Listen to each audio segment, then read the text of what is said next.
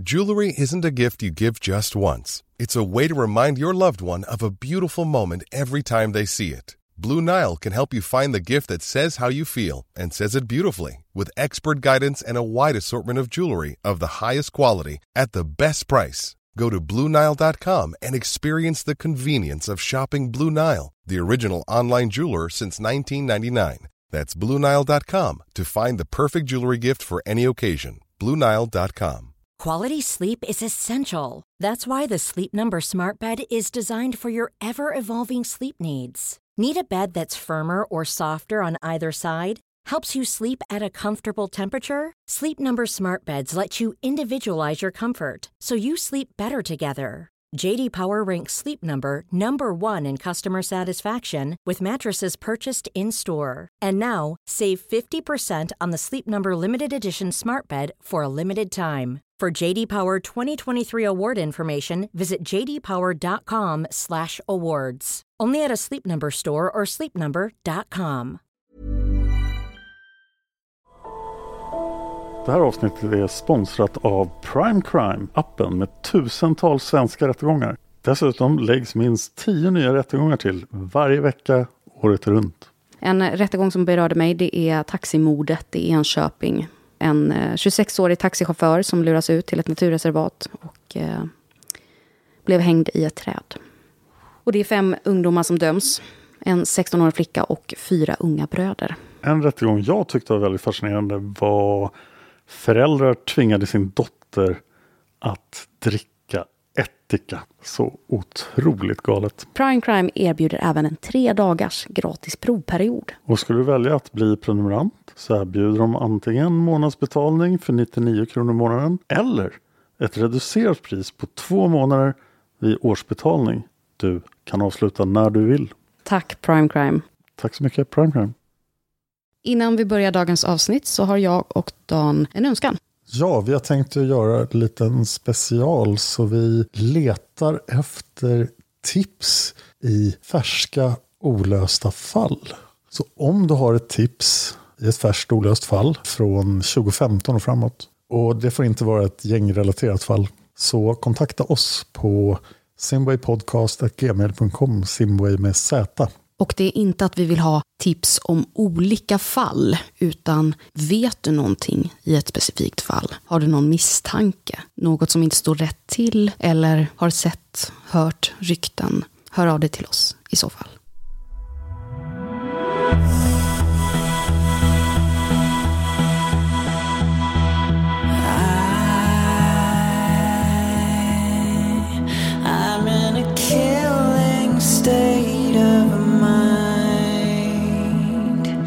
Cause I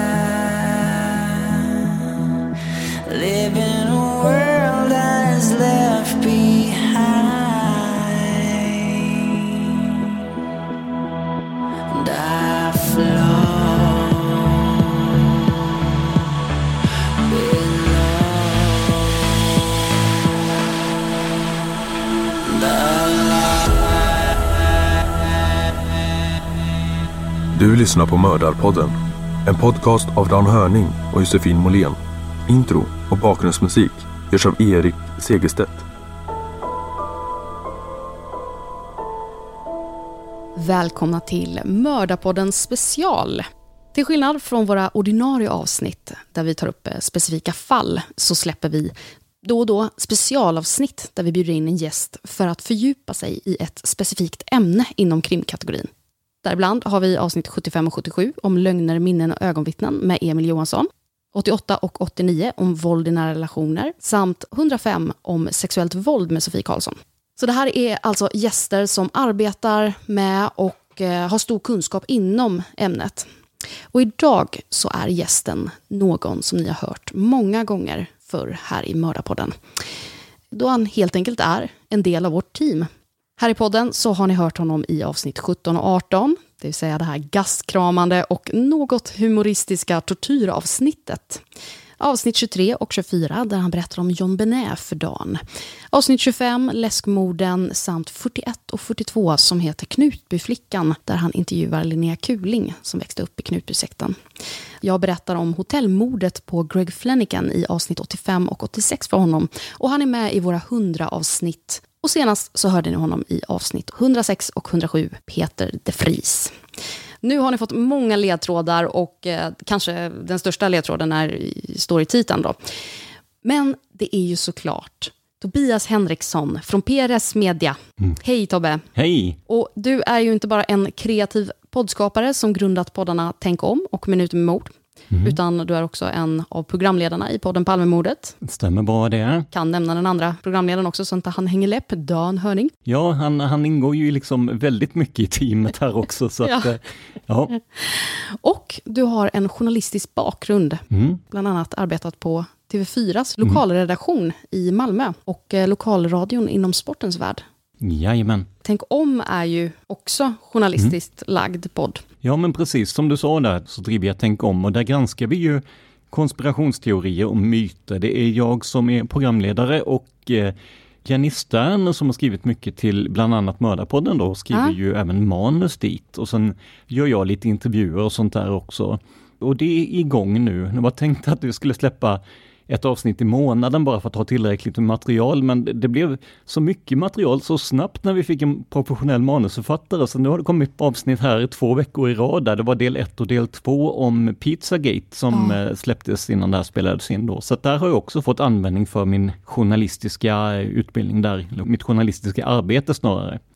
Men varför du är här idag är ju främst för att berätta om din upplevelse av hur det var att arbeta som journalist när terrorattentatet i Norge skedde 2011. Och hur det var att rapportera om massakern på Utöya.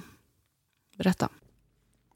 Ja men precis, det är ju nämligen så här att eh, under den här tiden, eh, 2011, så jobbade jag som eh, journalist på TV4 och eh, ni som har lyssnat på Mördarpodden, ni har ju ofta, antar jag, hört mig som en ganska lättsam och, och ja, kanske lite förhoppningsvis lite humoristisk person. Men det här är någonting som eh, ja, men som verkligen berört mig väldigt djupt och ni kommer förstå varför när vi kommer in på, på själva ämnet då.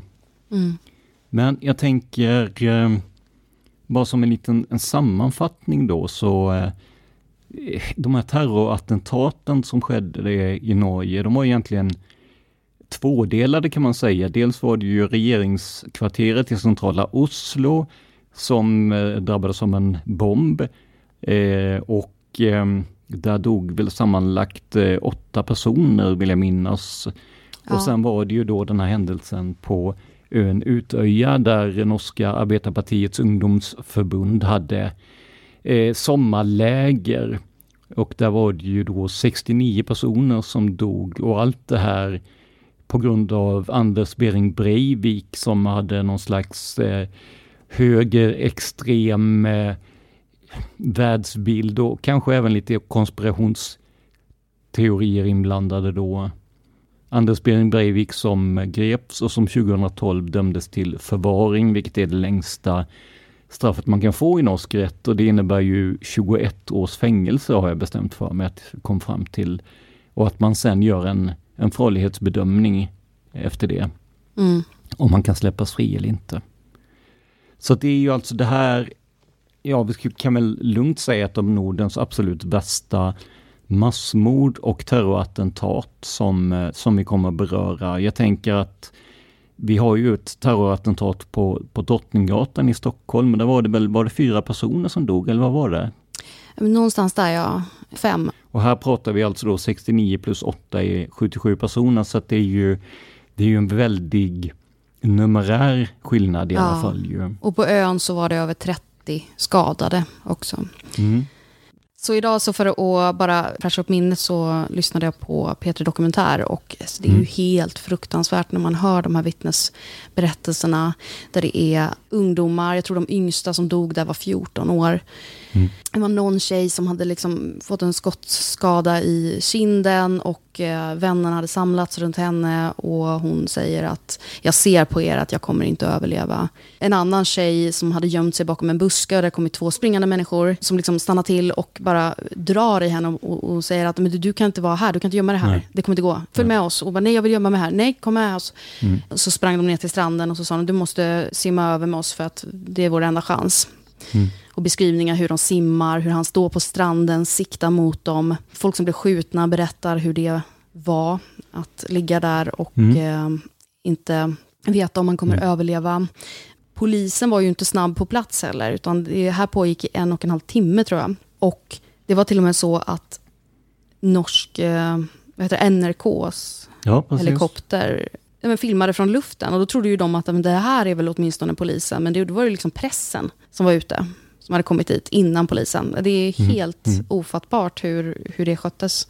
Vi, vi kommer ju inte gå in på eh, händelseförlopp och så vidare idag. Eh, utan det kommer vi att lämna till Mm. eventuellt Dans eh, podd, eh, Massmördarpodden, som kommer göra en väldigt stor Mm. serie om det här. Precis. Vi kommer inte som sagt att gå in på jättemycket på det här med själva händelsen, utan nu har ni fått en liten uppfräschning om det så att säga.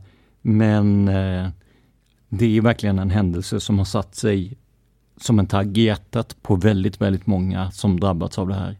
Det är ju någonting som har påverkat så många och som också satt sig i historien på ett sådant sätt så att det behövs ju väldigt mycket mer än ett avsnitt för att eh, så att säga gå igenom allt det här utan det vi kommer att fokusera på idag är hur en person som just då jobbade med, ja det kommer ju att bli krimjournalistik, påverkades och upplevde det här.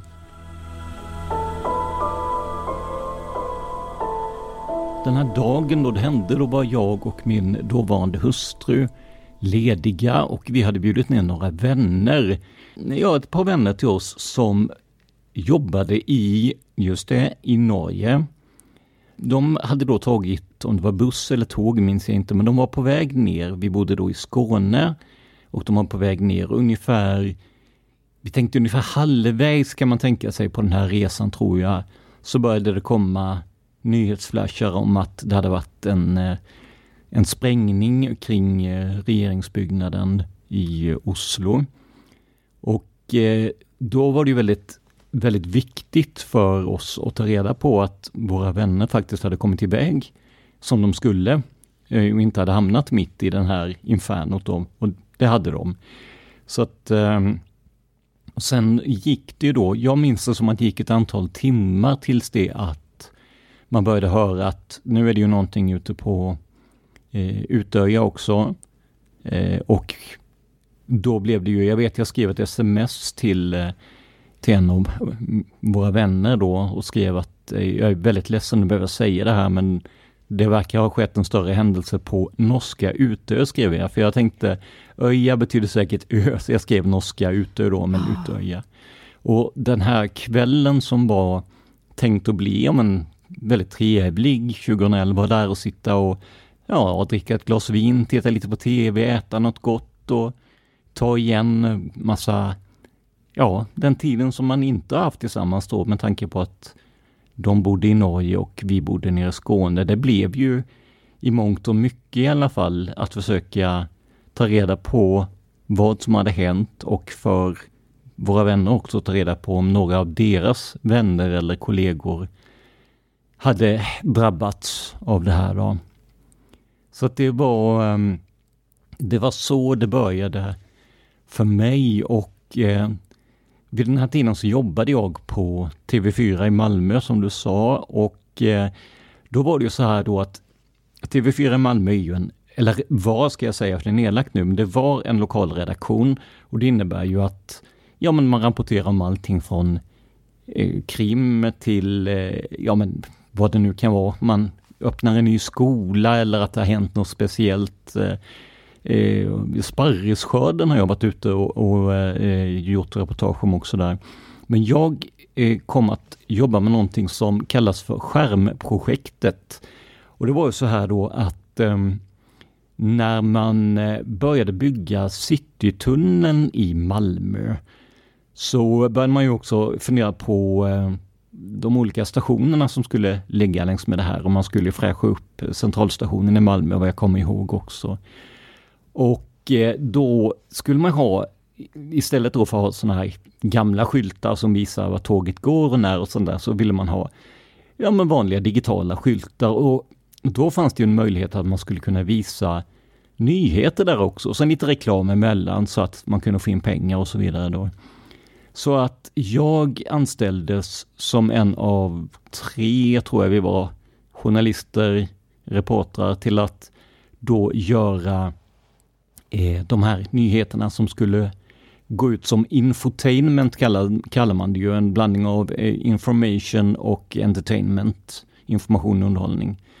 Och eh, det här kom senare att utökas eh, till att Eh, det visades, nyheterna som vi gjorde visades på alla tåg i Skåne.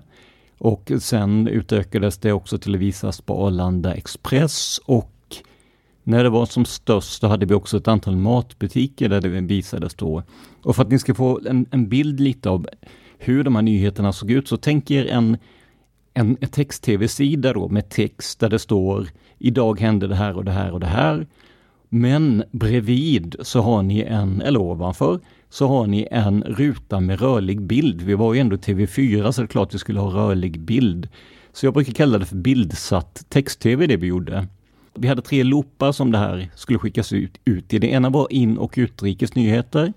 Det andra var ja men, skånska nyheter, lokalnyheter. Och det sista var sportnyheter då. Och eh, vi hade ju då på en som sagt, vi var tre personer som gick runt och skrev de här, eller gick runt på att skriva de här nyheterna då och också klippa bilder. Och medan, ehm, medan våra kollegor på redaktionen gjorde bara, eller mestadels i alla fall, lokala knäck så, så var ju vi tvungna då att bevaka ett, ett större perspektiv för att kunna skicka ut till exempel eh, information om ja, större händelser runt om i världen. Och det gjorde ju också då att vi hade ju tillgång till eh, olika nyhetsbyråer, Reuters och vi hade bilder från CNN och BBC och sånt där som vi kunde klippa och använda. Mm, när det här projektet var som störst då så var vi alltså tre journalister som hade eh, ett möjligt antal tittare då på ungefär två miljoner personer dagligen. Och det låter ju jättemycket och det är större än vad eh, Sveriges största nyhetsprogramrapport eh, är. Jag vet inte om det var i alla fall det vid den tiden vill jag minnas. Men det är ju också möjliga eh, tittare. För att det är ju inte så att man kan mäta hur många som faktiskt läser varje nyhet i och med att nyheterna finns ju överallt i din vardag. Den finns i matbutiken, den finns i kollektivtrafiken, den finns på perrongen där det står och väntar. Men eh, två miljoner potentiella tittare per dag hade vi. This is Paige, the co-host of Giggly Squad, and I want to tell you about a company that I've been loving, Olive and June. Olive and June gives you everything that you need for a salon quality manicure in one box. And if you break it down, it really comes out to $2 a manicure, which is absolutely insane. It's also so easy to get salon worthy nails at home with Olive and June. The difference between how your nails used to look when you did them yourself and now with the Manny system is a complete game changer. The best thing about Olive and June too is it's a quick dry, dries in about one minute, lasts for five days, and full coverage in up to one to two coats. Visit oliveandjune.com slash perfect Manny 20 for 20% off your first system. That's oliveandjune.com slash perfect Manny 20 for 20% off your first system system. I'm Sandra, and I'm just the professional your small business was looking for. But you didn't hire me because you didn't use LinkedIn jobs. LinkedIn has professionals you can't find anywhere else, including those who aren't actively looking for a new job but might be open to the perfect role, like me. In a given month, over 70% of LinkedIn users don't visit other leading job sites. So if you're not looking on LinkedIn, you'll miss out on great candidates like Sandra. Start hiring professionals like a professional. Post your free job on linkedin.com slash people today. A lot can happen in the next three years. Like a chatbot may be your new best friend. But what won't change? Needing health insurance. United Healthcare Tri-Term Medical Plans are available for these changing times Underwritten by Golden Rule Insurance Company, they offer budget-friendly, flexible coverage for people who are in between jobs or missed open enrollment. The plans last nearly three years in some states, with access to a nationwide network of doctors and hospitals. So for whatever tomorrow brings, United Healthcare Tri-Term Medical Plans may be for you. Learn more at uh1.com. Och eh, som sagt, när jag då kom in dagen efter det här eh, attentatet eh, vilket måste ha varit den 23 juli då. Då var ju Utöja självklart det som alla pratade om, men det var ju väldigt få på redaktionen som som kom att jobba med det här givetvis. Eh, förmodligen, även om jag inte kommer ihåg det nu, så, så hade vi någon som gjorde, ja men så här, eh, Malmöbon var i Oslo när det smällde eller något liknande. Det, det brukar ju göras då, men eh, det var ju bara skärmprojektet då som hade den här utblicken nationellt och internationellt. Så att eh, jag kom och sätta mig vid datorn och eh, eh jag minns att det var vi var, alltså det var en så stor händelse så att om vi säger att vi hade fem nyheter inrikes och utrikes, fem nyheter som var lokala och fem nyheter om sport, så var det ju naturligt att åtminstone två, tre av de här nyheterna som vi sände ut eh, skulle beröra Utöja, för det var ju så väldigt stort, eller för ja, hela det här terrorattentatet då. Och eh, morgonsändningarna måste det ha varit på TV4 som vi brukade hämta bilder ifrån Eh, det, jag tror inte det fanns tillräckligt med bildmaterial där. Så att då fick vi börja leta på de kontrakterade nyhetsbyråerna som TV4 hade kontrakt med. Och problemet med det, och det är det här som har förföljt mig sedan dess, det var ju att här var ju oredigerade bilder. Alltså inte klippta i, i sammanhang, utan det var bara råmaterial som filmade dels när de väl hade lyckats ta sig ut till Utöja, men framförallt då inne i, i Oslo, vid regeringskvarteret. Och där var det ju, som sagt, det, det, i vanliga fall så kan det ju hända att sånt här råmaterial innehåller lite oskärpa eller att det är någon som pratar med någon annan bakom kameran eller så här. Men det var ju inte så det var här, för här var det ju förstörda byggnader, det var sprängda bilar och framförallt så var det ju massvis av döda och svårt skadade personer som fanns på det här bildmaterialet. Och eh, då får man ju tänka på då att vi har två miljoner möjliga tittare. De kan ju vara i alla åldrar. Det kan vara barn som åker till skolan. Det kan vara pensionärer som ska åka och handla eller arbetspendlare. Så vi måste ju vara otroligt försiktiga med vilka bilder vi sänder ut. Vi får ju inte skicka ut bilder på ja, men våld eller blod eller sånt här. Men för att hitta de bilderna som inte innehöll det så var jag ju tvungen att titta igenom i stort sett, ja inte allt råmaterial, men mycket råmaterial.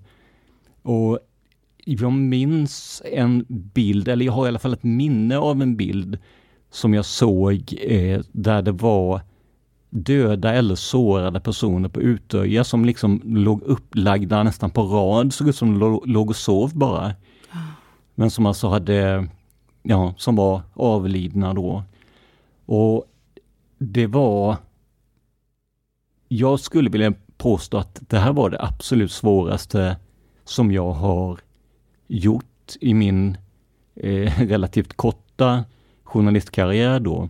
Så var det att försöka vara objektiv och att försöka välja ut bilder som visade på nyheten. Jag skulle alltså visa på en nyhet som handlade om mord, blod och död utan att visa mord, blod och död. Mm. Och det här var eh, journalistiskt jättesvårt men framförallt var det ju mentalt väldigt, väldigt, väldigt tufft för det kommer så nära bilderna man ser på, eh, alltså som senare är klippta till nyhetssändningar och så här, det, det är ju det är oftast väldigt, vad ska vi säga, det är, de, det är ju de mindre blodiga bilderna av mm. lätt insedda skäl då för att det går inte att visa vad som helst. Men att sitta på andra sidan av det här eh, råmaterialet och verkligen få det här eländet, den här paniken, de här döda människorna, de sprängda byggnaderna verkligen upp i ansiktet. Det är, ja, det är någonting som, som jag nog aldrig kommer glömma. I och med att det var Malmö, jag menar, vi hade ju vi hade ju ja, men gängkriminalitet där nere. Vi hade serieskytten Peter Mangs. Och vi hade eh, gryningspyromanen som satte eld på olika ställen. Men det var, då var det ändå, det var som att man hade en viss distans till. Det här var det då eh, 69 döda ungdomar som kanske var hälften så gamla som jag själv var vid den tiden. Och eh, som sagt, även då det som drabbade mig väldigt hårt var ju att två personer som vi kände och brydde oss om väldigt väl, som senare blev gudföräldrar till eh, min förstfödde son då, hade klarat sig undan så att säga. Eh, inte på minuten på något sätt, men att det hade ju lika väl kunnat vara så att de hade varit kvar i, i Oslo. Kanske inte just vid regeringskvarteret, men att de ändå hade hamnat mitt i den här historien då.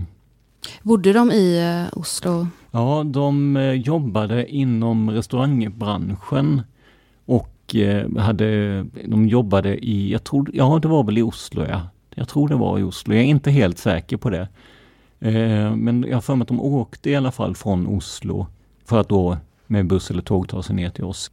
Det blir ju också så att om man vet att Eh, om vi tar ett exempel här då, när dådet på Drottninggatan skedde så har ju vi en, en kollega, Dan, som bor i innerstan och då blir man ju nervös givetvis och undrar om han var en av de drabbade, eh, mm. hur han upplevde. Nu visade det sig att han var på ett helt annat ställe i landet just över den tiden, men, men i alla fall, det blir ju att man, man förstorar ju kanske eh, hotbilden så att säga då i sitt eget huvud. För att man, man får ju ingen information utan huvudet bara spinner och spinner och spinner och sen tänker man att Ja men tänk om de råkade gå förbi regeringskvarteret eller tänk om, om, om bussen körde förbi där precis när det small eller tänk om, tänk om, ja men som vi pratade om då, eh, tänk om Dan var på väg ner till Åhléns eh, på Drottninggatan eller vad som helst då när det dådet skedde. Så att, eh. Vi har ju facit i hand nu, men där och då så mm. vet man ju inte vad är det som håller på att hända. Vilken mm. information mm. har nåtts av som är äkta? Har det hänt mer grejer? Kommer det hända fler attentat? Mm. Man vet inte om det är början Verkligen. på någonting som kommer att... Och nu var det ju så i Norge att det var ju inte bara ett attentat utan det var ju två. Mm. Men ja, där visste man ju inte heller, kommer det sprängas mer? Nej. Och det var ju samma sak med Drottninggatan också. Att folk rapporterade ju om eh, skottlossning och mm. bränder och smällar och från, från närliggande ställen och det kan ju ha varit en bil som baktände eller det kan ha varit eh, precis vad som helst då för det visade sig ju vad jag förstår att det inte var något, något andra eh, någon andra händelse så att säga utan det var ju då just den här lastbilen som plöjde mot Åhléns. Mm.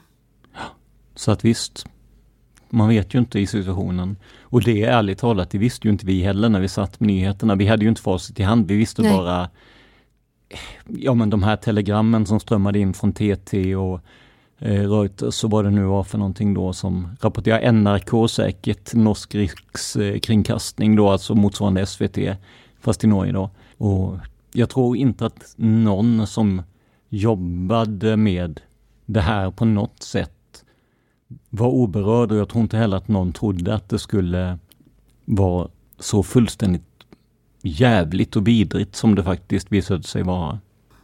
Så att eh, jag, eh, måste säga att det var en av de absolut jobbigaste dagarna i eh, min journalistkarriär för att det satte sig verkligen som en tagg i hjärtat och när man sen läser efteråt och lyssna på då om, om hela händelseförloppet och hur Anders Bering Breivik jag har för mig att han lurade sig ut till, till Utöja genom att eh, utge sig för att vara polis och så vidare för att kunna mm. skjuta ännu fler där ute. Det, det ger en helt ny dimension. Men eh, där var det verkligen att det var som att se det var som att se helvetet i vitögat faktiskt. Och eh, jag kan bara föreställa mig hur hemskt det måste ha varit för de som hade barn och ungdomar på, på Utöja eller folk som jobbade i, i regeringskvarteren när det var, när det drabbade mig så starkt som inte det enda jag behövde göra var egentligen att försöka vara hyfsat neutral och välja bra, bra bilder, det vill säga bilder som inte visade för mycket av hur illa det faktiskt var. Det är rörligt material vi pratar om och eh, då är det ju så att ofta det här råmaterialet, det kunde ju vara att man ja men säg att man filmade från stranden ut över vattnet till Utöja och så vidare då. Och sen så var det ofta ett, ett klipp till kanske till stranden, ibland var det att man stod och pratade med, med någon, intervjuade och sådär. Och sen kom ju de här, eh, ja, de här otäcka bilderna och det var väl det att man inte var beredd på att de här skulle dyka upp för att vi visste ju vid den tiden att det var många som hade dött och skadats. Men man var inte förberedd på att få det så att säga det blir en helt annan sak när man får se det och redan, ja. redan då så insåg jag ju att det här är ju något absurt. Det är något galet stort om man nu får säga så och så vansinnigt tragiskt. Men sen i och med eh, medierapporteringen, i och med rättegången 2012 och eh, så här så har ju man, man, blir ju påmind av de här. Jag säger inte att det är något stort trauma på något sätt. Jag bara säger att man blir påmind om det och just då var det definitivt ett, ett trauma. Nu har det ju liksom... Ja, man blir påmind när man hör om det eller ser inslag om det och sådär.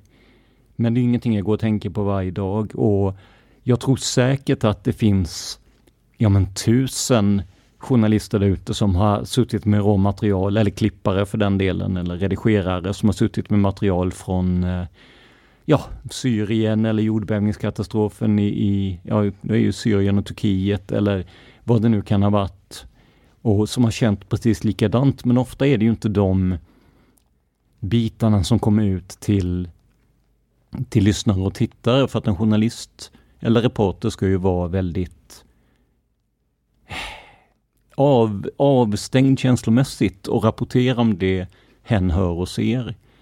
Eh, och därför tänkte jag att det kan ju vara kanske finns en poäng att berätta hur en sån här händelse faktiskt fungerar utifrån en, en journalistperspektiv. Även om man satt på i ett annat land då, men med desto mer råmaterial. Mm.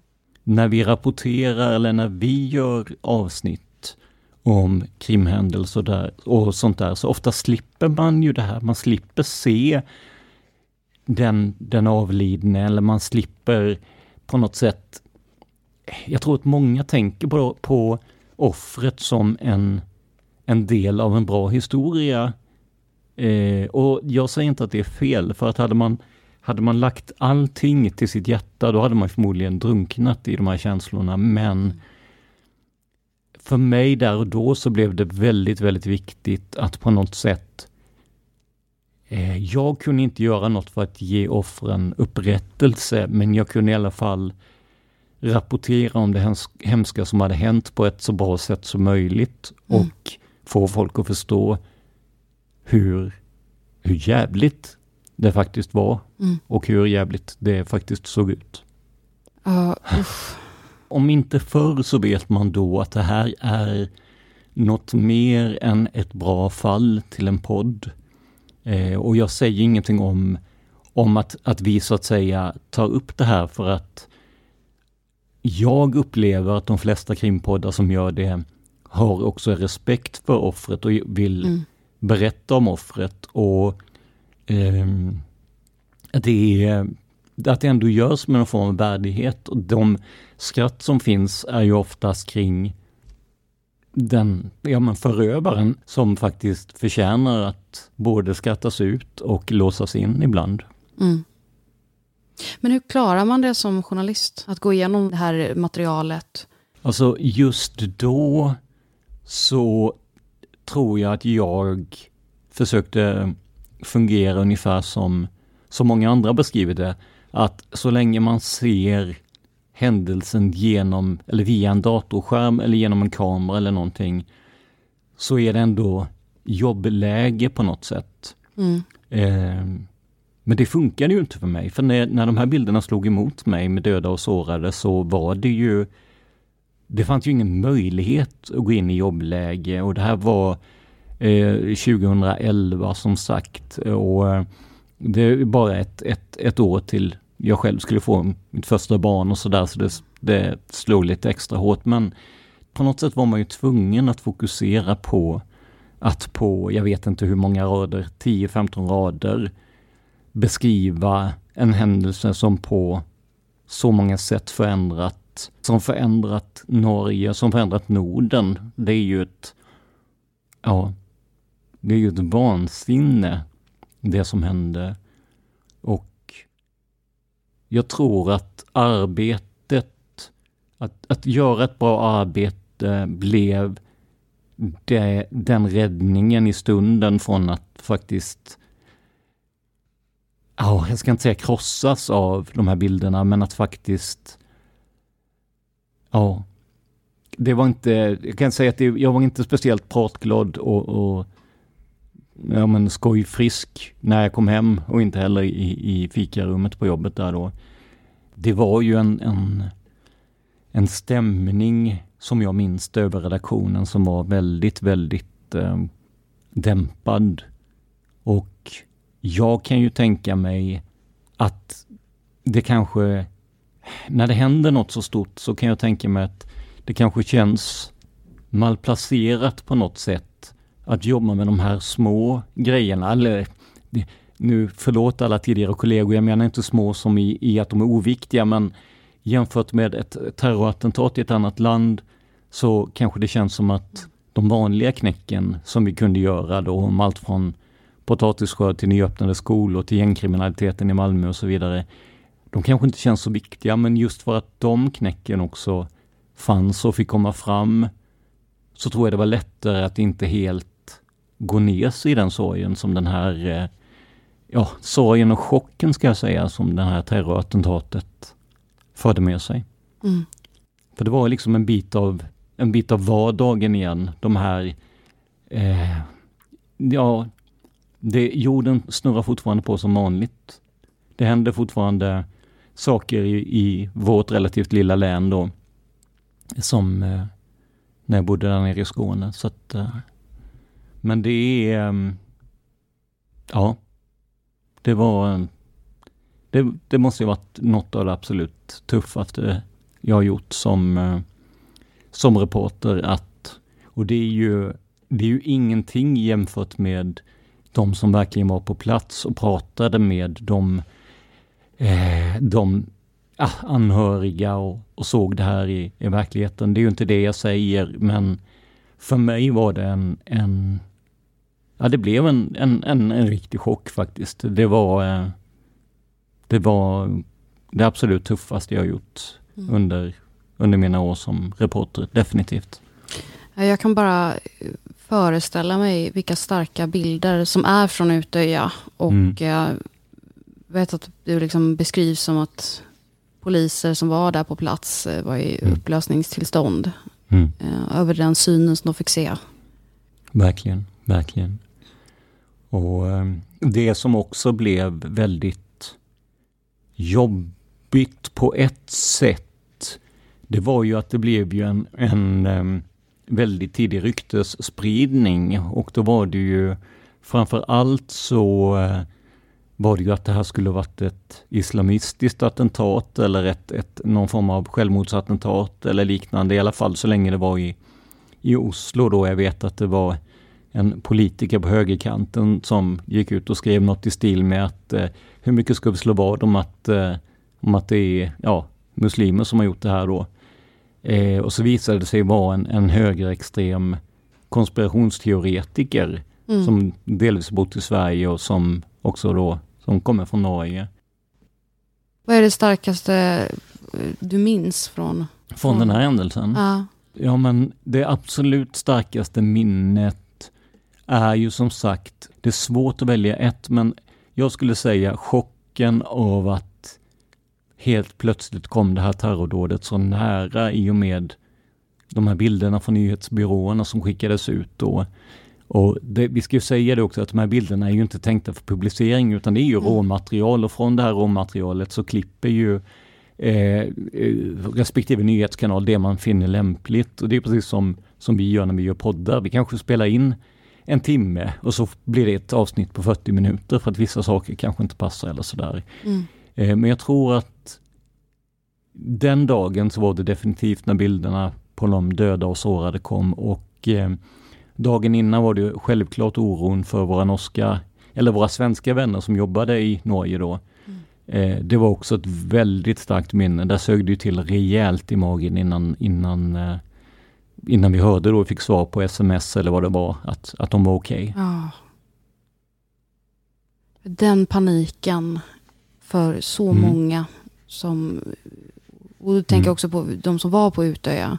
Mm. Eh, mm. att mobilerna ringde, att inte få tag, att inte veta. Det är liksom hela mm. Norge försökte liksom få tag på varandra.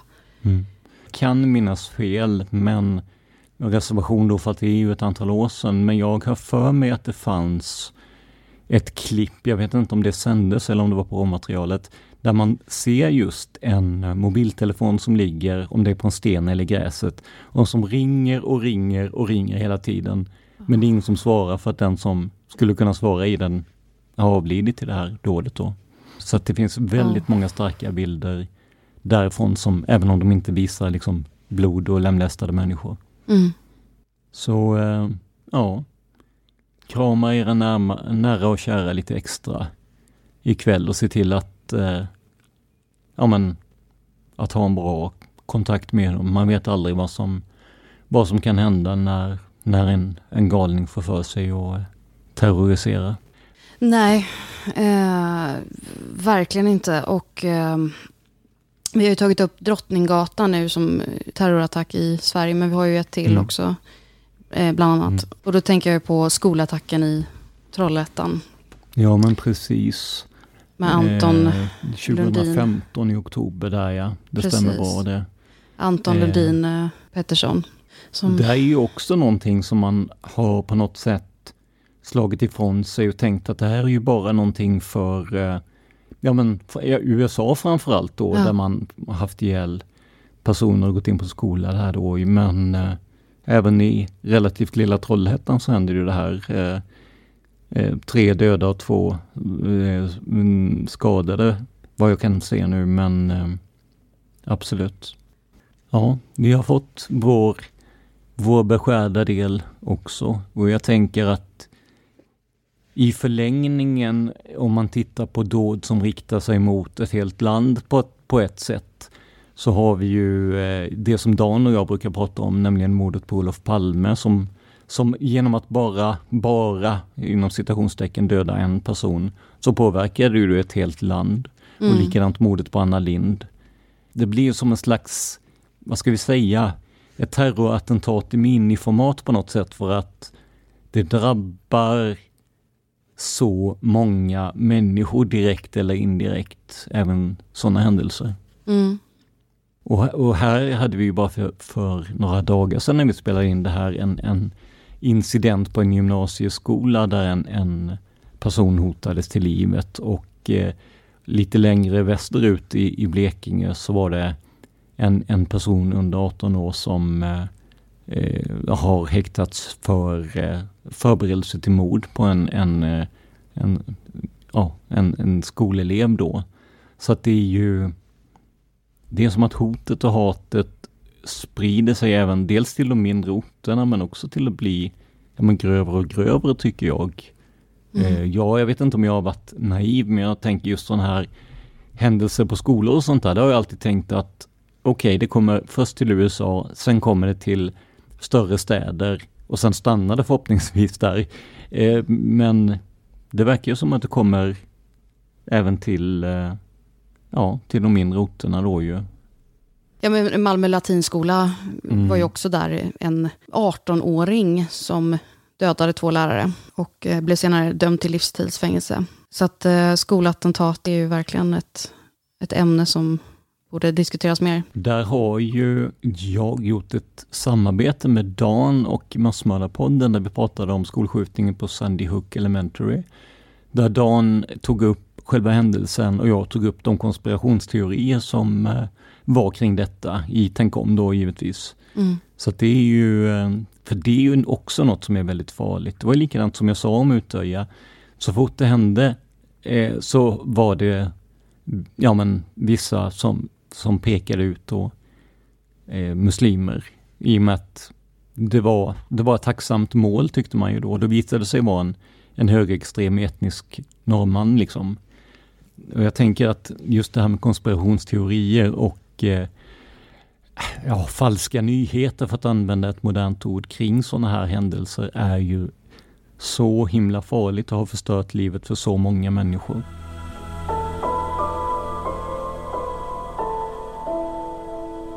Så det är ju min berättelse om hur jag upplevde de här händelserna på Utöja och som sagt, mina tankar både då och nu går ju självklart till de som är drabbade och de anhöriga. Och den chock och sorg som jag kände är ju inte någonting i jämförelse med det de känner givetvis, men jag kände att jag väldigt gärna ville dela med mig till eh, er som lyssnar hur det kan vara att även jobba med det här professionellt. Då. Och jag tycker det är jättebra att få höra att för man har en bild av journalister, jag har en bild av journalister, att man har som en mur hela tiden. Att man eh, kan sålla bort, att man går in i en mm. arbetsroll. Men den muren spricker ju när det kommer för nära och blir för stort. Ja, som jag sa, många säger ju att så länge de ser händelserna genom linsen på en kamera så är det då är man ändå i arbetsläge så att säga, men någon gång stänger man ju av kameran. Mm. Någon gång letar man efter personer att intervjua istället, eller man försöker få uppgifter från polisen. Då ser man ju allt det här ja, på riktigt så att säga, mm. eh, som privatperson och som människa. Och eh, där, där är, vet jag ju att det finns fler än jag som, som har reagerat oerhört starkt på, på sådana här händelser. Så absolut. Planning for your next trip?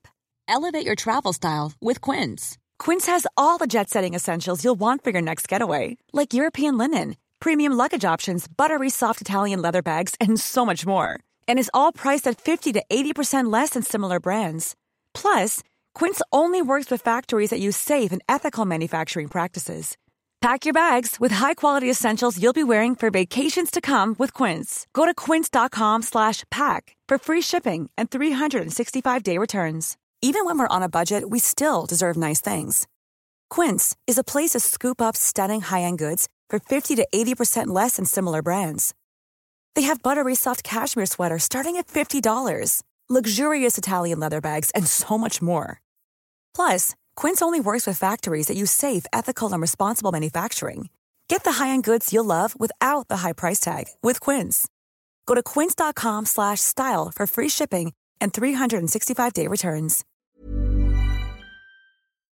Och eh, det finns ju en eh, en tjej som överlevde Utöya som heter Stine Renate Håheim. Eh, och hon sa i en intervju med CNN bland annat något väldigt klokt. Och det var att om en man kan visa så mycket hat, tänk hur mycket kärlek vi alla kan visa tillsammans. Och det tycker jag är mm. någonting som vi verkligen kan bära med oss efter ja. det här. Oh, nu fick jag rysningar. Mm.